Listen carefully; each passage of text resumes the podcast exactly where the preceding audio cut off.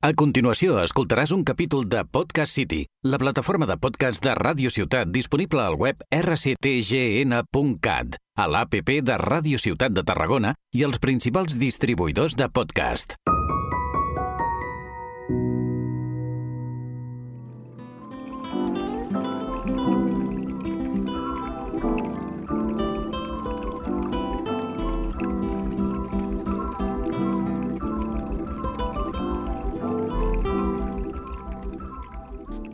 Hola i benvinguts a Posant Nom, el podcast dedicat, tal com diu el mateix títol, a descobrir algunes de les dones de la història en tots els àmbits de coneixement possibles i que puguis arribar a imaginar que no han estat reconegudes pels seus descobriments, obres, investigacions.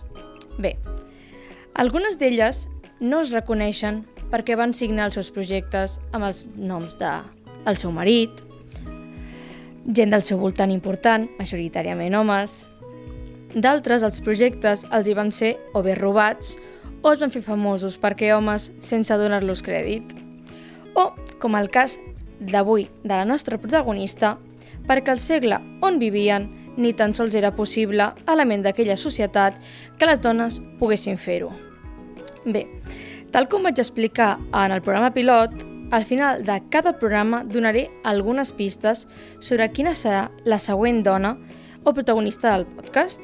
Llavors, espero que la pista que vaig donar-vos us hagi servit per endivinar la protagonista d'avui. I pels que primer és el primer cop que sentiu aquest programa, repetiré la pista, perquè així us poseu en context. Bé, la dona d'avui està situada cronològicament a l'edat antiga, més concretament a la Grècia clàssica, Sí, ja sé el que esteu pensant. La famosa Grècia, dels mites, les històries, els xafardejos, els lios, les aventures, de tots aquests déus i deeses de l'Olimp, com Atena, Hades, Zeus, Persèfone, tota aquesta colla passigolla. Però jo, ara mateix, vinc a parlar de la Grècia de veritat. La gran famosa Grècia del prototip de la democràcia, però que a la vegada és la que tancava les dones al gineceu, la part específicament de la casa reservada per elles on es dedicaven a teixir i filar sense rebre cap tipus d'educació o bé ensenyar-los als seus fills o filles aquestes mateixes qüestions. Bé, doncs, dit això, us presento a la nostra protagonista d'avui. I no, no és Hipàtia, la famosa filòsofa i matemàtica grega, a la qual segur que li dedicarem un bon capítol. Vaya bojona, eh? Us heu pagat? No passa res. Val la pena, la d'avui. El seu nom és Espàcia de Milet. No sé si us sona. És una senyora nascuda al 470 abans de Cris. Fa una miqueta de temps, la veritat, a Milet, tal com el seu nom indica, una miqueta per tontos, la veritat, eh, a l'actual Turquia i es va morir a Atenes al 400 abans de Cris. O sigui, estem parlant d'una senyora que és una miqueta antiga, que ens queda una miqueta lluny, però eh, és molt important perquè la gent amb la que ella es va relacionar la tenim, per exemple, als llibres de text que estudiem, per exemple, batxillerat. Més endavant ja us ho comentaré i així sabreu a quines persones m'estic referint. Doncs bé, per fer una mica de 5 cèntims sobre aquesta senyora, abans d'entrar realment en la matèria, podem dir que va ser professora de retòrica i l'hològrafa, que no sé si esteu familiaritzats amb el concepte, però una hològrafa eh, són els historiadors o cronistes de l'època, és mm, com li deien en aquell moment. I va tenir una gran influència a la seva vida i a la vida cultural i política d'Atenes durant el famós període anomenat el segle de Pericles. Això eh, ho hem estudiat tots a classe, en els llibres d'història o bé en els llibres de filosofia, que va ser una època on va haver un renaixement i un apogeu molt gran de manifestacions culturals, ja sigui doncs, arquitectura, escultura, pròpia història, literatura, filosofia... Doncs bé, Espàcia és coneguda per ser, precisament, la parella de Pericles. D'aquí ve el punyetero nom de l'època històrica que era un polític, jurista, magistrat, general, orador, i amb qui va tindre un fill, que també es deia Pericles, molt originals per cert. La parella no es va poder casar per que hi havia una llei que el propi Pericles havia comentat, que és que els ciutadans ateneus d'una certa noblesa, perquè pels que no ho sapigueu, en aquella època eh, Atenes tenia unes lleis molt restrictives sobre la seva ciutadania i només la gent nascuda Atenes podia tindre la ciutadania. Tota la gent que era de fora, no tenia la ciutadania atenenca encara que hi visqués i pagués impostos i no hi podia participar en la vida política, ja siguin no eleccions perquè no hi havia eleccions com a tal, però lo típic de les pel·lícules de que veus uh, gent reunida en una plaça tipo, que li diuen Àgora i allà discuteixen sobre mm, la vida, l'amor, l'important que és mm, lluitar contra aquest vaixell o aquest altre. Doncs bé, el dia a dia. Doncs les persones que no eren atenencs, atenesos i ateneses, doncs no hi podien participar. Llavors, doncs, com que hi havia aquesta llei, Pericles i Espàcia no se van poder casar i el seu propi fill no va tindre la ciutadania atenenca fins que Pericles es va morir. I els fills de la primera dona de Pericles també la van palmar. Llavors, necessitaven un successor i mm, si no era atenès, pues, la cosa estava xunga. Llavors, doncs, el van tindre que fer tant a Espàcia com a Pericles el jove atenencs. Una mica una mesura així estranya, però la situació era el que donava. Doncs bé, Espàcia, tal com he dit, era estrangera i el nom concret per aquella època dels estrangers es deia Mètic. I, doncs, com que mm, era de fora, mm, tenia algunes particularitats aquesta dona. Llavors, us preguntareu per què he vingut a parlar d'Espàcia i no he pogut parlar d'altres senyores importants o més famoses o que puguin ser doncs, més propers a la història i que doncs, estigueu a prop i les vulgueu entendre més o us sentiu més propera realment, seria la paraula, doncs és perquè una de les coses que més odio en aquesta vida és la difamació. O sigui, anar per la vida mm, desprestigiant a la gent i dient-li que no fa les coses bé o que el que fan no és veritat... Fatal, o sigui, ho porto molt, molt, molt malament. Llavors, clar, un dia jo, per la vida, llegint sobre ella, doncs, m'haig trobar diverses versions, tenies autors que l'elogiaven i autors que la matxacaven, la deien que era una mala persona, i clar, dic, això huele un poco a machismo. Eh, sí, a vegades quan dic coses d'aquest estil eh, parlo castellà perquè m'ha donat molta ràbia, llavors, pues eso, huele a machito, machito, malament. Llavors, eh, pues he pensat que era una bona idea parlar d'ella per treure-li una miqueta aquest, aquesta mala aura que té perquè la majoria de gent coneix Espàcia per la part negativa del que deien els senyors importants, no de la seva història realment. Llavors, Espàcia era un emètic, ja ho he repetit 50 cops, espero que us, vull que us quedi molt clar aquest concepte perquè això és el que farà entendre moltes coses de la seva vida, doncs eh, no es va veure obligada a seguir les normes tan estrictes que hi havia en aquella època de comportament en què les dones s'havien de tancar al gineceu, no estudiaven, tal. Llavors, clar, mmm, doncs això és el que provoca que no estiguis en un sistema o no estiguis en una ciutat on t'obliguin a ser la esposa perfecta. Uns conceptes que tampoc no queden tan lluny en certes religions o en certs països o en aquest mateix país no fa tants anys. Eh? Manuel de la Bona Esposa... Bueno, ja parlarem de tots aquests temes uh, arrel que anem coneixent noves dones. Doncs bé, el que també era Espàcia i provocava també certs conflictes amb la seva pròpia història és que era hetera. Sí, no és un femení de ser heterosexual ni coses d'aquest estil. És un concepte en grec antic. Que és un grup de dones que eren de classe alta que podien ser o bé artistes, eh, contertulianes, acompanyants...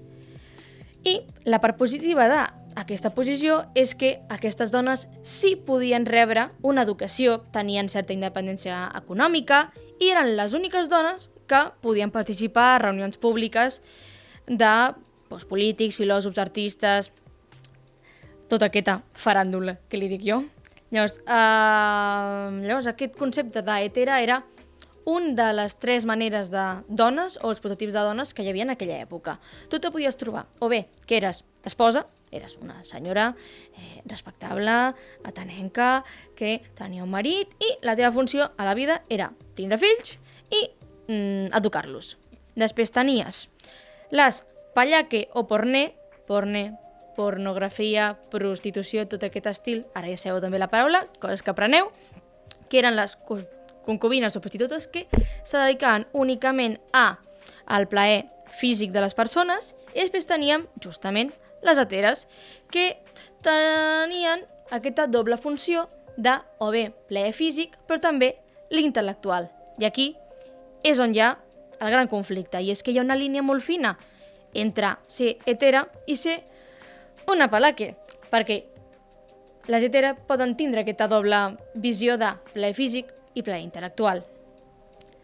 I, desgraciadament, molts autors, Espàcia, sent una hetera, la titllaven precisament de pallaque i la van acusar fins i tot de rentar un bordell i tenir prostitutes a casa seva. Bueno, coses de l'època, ja ho sabeu.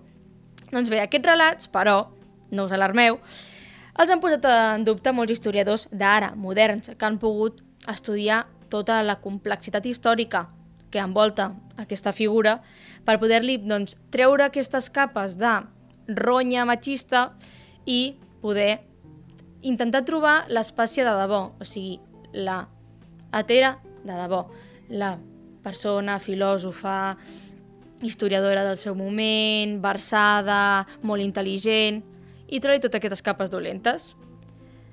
I, clar, a l'haver estudiat a Espàcia s'han donat compte de que els escriptors que van escriure la seva biografia o que parlaven de Pericles, el seu, la seva parella o altres persones del voltant, doncs que eren una miqueta mala gent, aquests senyors que van escriure aquestes coses. Llavors, clar, doncs, la idea era difamar, matxacar Pericles perquè, clar, què hi ha més interessant que una persona al poder poder-la desgastar? Doncs si a més et posen a la seva no dona, però a la persona que l'acompanya, que no és la seva dona, mmm, aquesta aura de misteri, aquesta línia fina, doncs dona, dona molt de joc per tindre difamar, dir coses que no són, matxacar les persones... És la gràcia, hi ha gent molt dolenta en aquesta vida. Doncs bé, també la van arribar fins i tot a acusar de provocar guerres i Espàcia, com o no, com molts dels filòsofs de l'època, la van jutjar, sí senyor. La van jutjar per una persona i conducta super, super xunga i per sacrilegi, que se'n reia dels déus, que parlava de coses que no tocaven. No sé si us sona uh, aquest judici algú. Sí, efectivament, Sòcrates, el gran filòsof, el van acusar del mateix. Ja parlarem de Sòcrates després perquè està molt relacionat amb Espàcia. Doncs bé, menys mal que va vindre Pericles a defendre-la, però no en el mode romàntic o cavallerès de oh, és la meva parella i no se pot defendre sola, en aquest ideal així molt clàssic de com que no es pot defendre ella, vinc jo a defendre-la. Era perquè, legalment, les dones no se podien defendre elles mateixes, havia de vindre algú a defendre-les. Llavors, ja només amb això podem dir que Espàcia va tindre sort que tenia una parella que l'apoyava, que sabia de lleis i se'n va poder en sortir. Però no sé, o no tinc jo tan clar, que totes les dones que fossin acusades d'això tinguessin els mitjans que tindre espècie per poder en, en sortir-se. Llavors, doncs potser hi ha algunes dones que potser valien molt la pena, que eren persones molt intel·ligents o que parlaven de les mateixes coses que parlava Espàcia, però com que el seu context històric o el seu context familiar no era el més propici, doncs devien acabar mortes o abandonades o fetes fora de la ciutat, no sé, una mica trist, la veritat, però ara ens hem a centrar en Espàcia, que és el que ens interessa. Doncs bé, deixant enrere ja d'una vegada aquesta negativitat, perquè ens estem posant molt pesadets, anem a parlar del que realment ens interessa, i és la importància que té Espàcia a l'Atenes de l'època.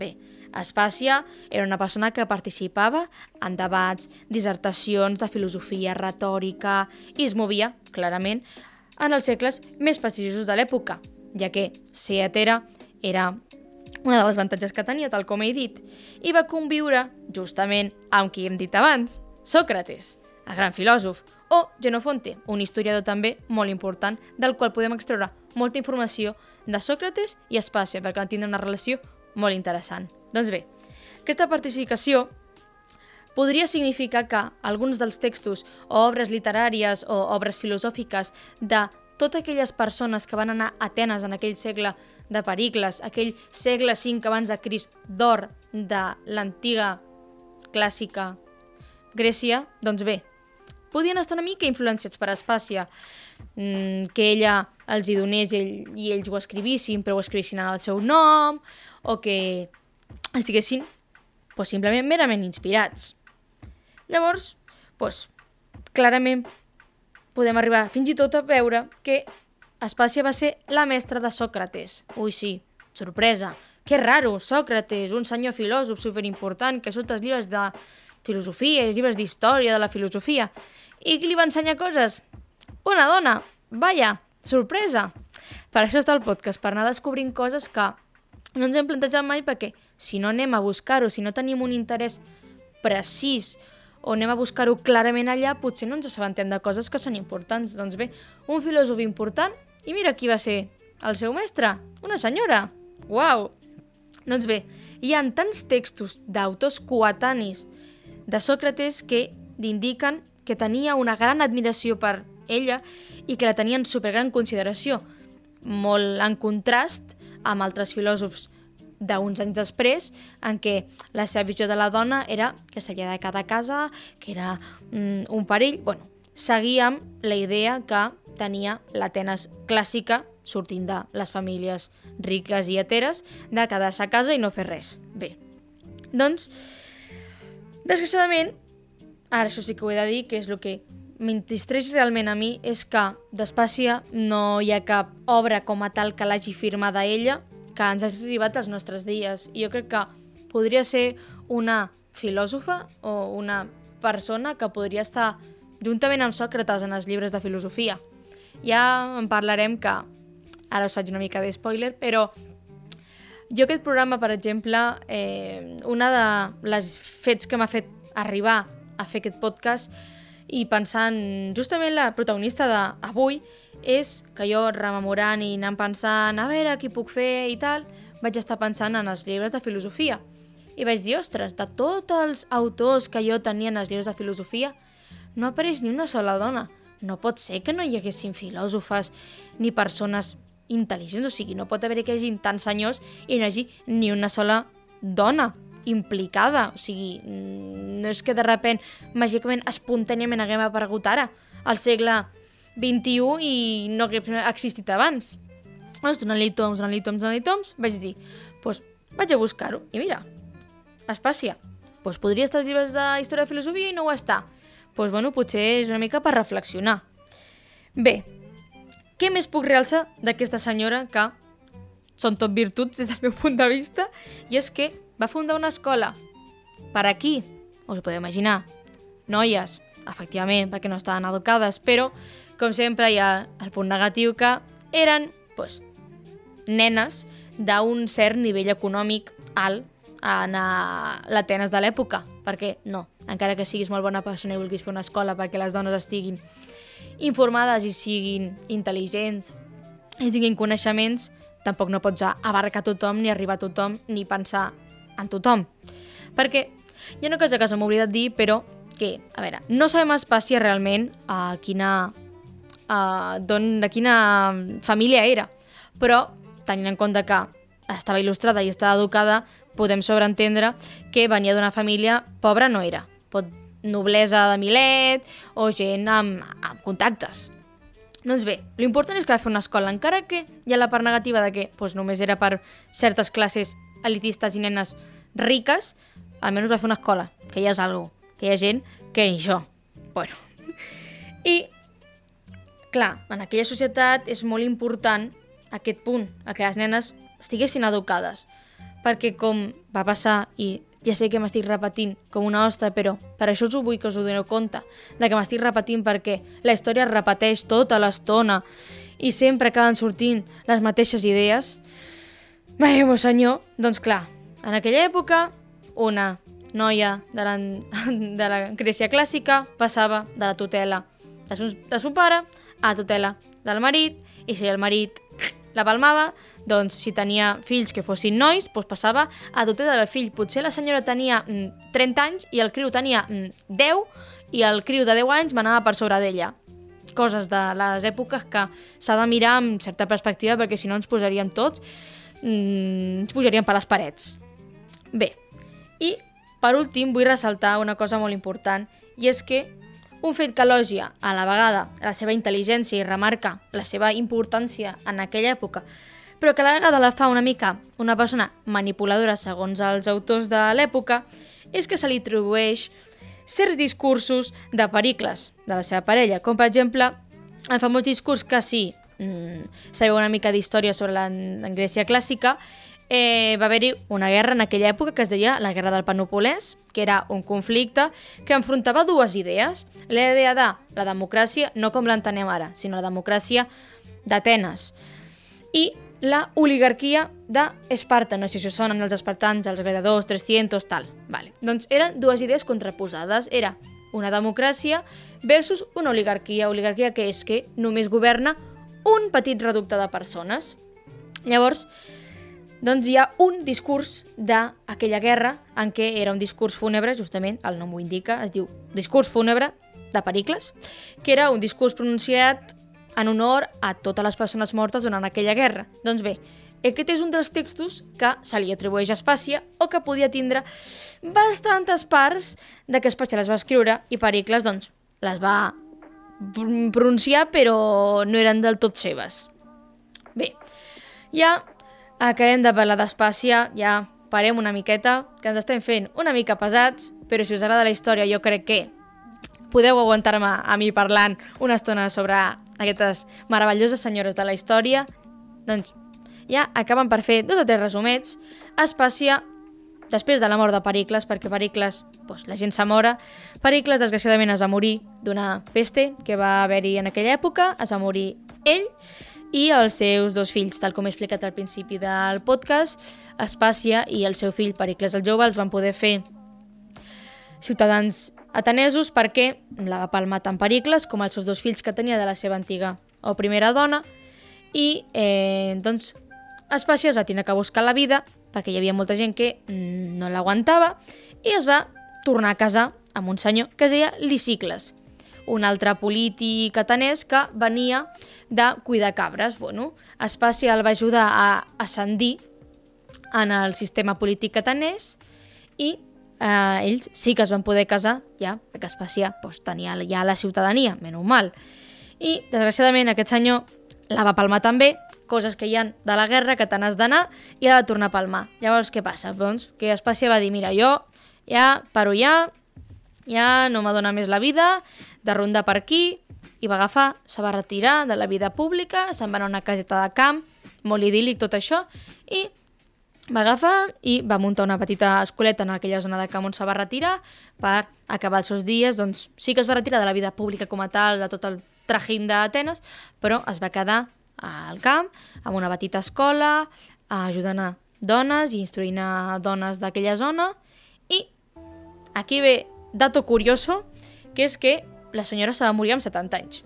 Cuidao, estem, estem parlant de que estem parlant de la Grècia clàssica, o sigui, segle V abans de Crist. Arribar als 70 anys és mm, ser una mòmia en potes. Una edat molt avançada per l'època, tal com he dit. Llavors, ja concluïm, tanquem aquest programa, aquest podcast, aquest capítolet d'avui, dient que, en resum, Espàcia és un personatge que, gràcies a Déu, per fi, s'està deslliurant de tota aquesta pàtina de mala reputació i de mala imatge que el masclisme de l'època, pues, i posteriors èpoques, perquè, eh, jajaja, spoiler, no van ser només els coetanis d'Espàcia que van parlar malament d'ella, sinó autors posteriors que, basant-se a la informació que li havien donat els que vivien en aquella mateixa època que ella, doncs van continuar mantenint aquesta mala imatge, aquesta mala reputació d'Espàcia. Però bueno, ara no ens posarem aquí. Doncs estic orgullosa de que per fi doncs, se pot donar pas a la seva veritat, la d'una dona independent intel·ligent i erudita que va ajudar a l'educació de les dones a Grècia i va canviar la ment d'algun que altre filòsof. Per avui, tanquem el capítol d'Espàcia i ara procediré, tal com vaig dir, a donar algunes pistes de la protagonista del pròxim programa. Doncs bé, sense moure'ns realment en l'ambient aquest de la Grècia clàssica, diré que no ens veiem d'aquí i que la seva protagonista també és una senyora de l'antiga Grècia i que mm, és una miqueta posterior, lògicament, a Espàcia de Miret. No és Hipàtia, ja parlarem d'Hipàtia, no us preocupeu. I a veure què més puc dir, què més puc dir, que no sigui una pista super clara. A veure, a veure, a veure... Mm, mm, mm, mm, mm, mm. Vale, està relacionada amb la literatura. Vale. Jo crec que amb això, Grècia clàssica i literatura, us podeu fer una idea de qui pot ser la protagonista del pròxim programa. Espero que us hagueu passat bé, que hagueu après coses noves del programa i coses noves de les dones de la història i fins aquí el meu programa.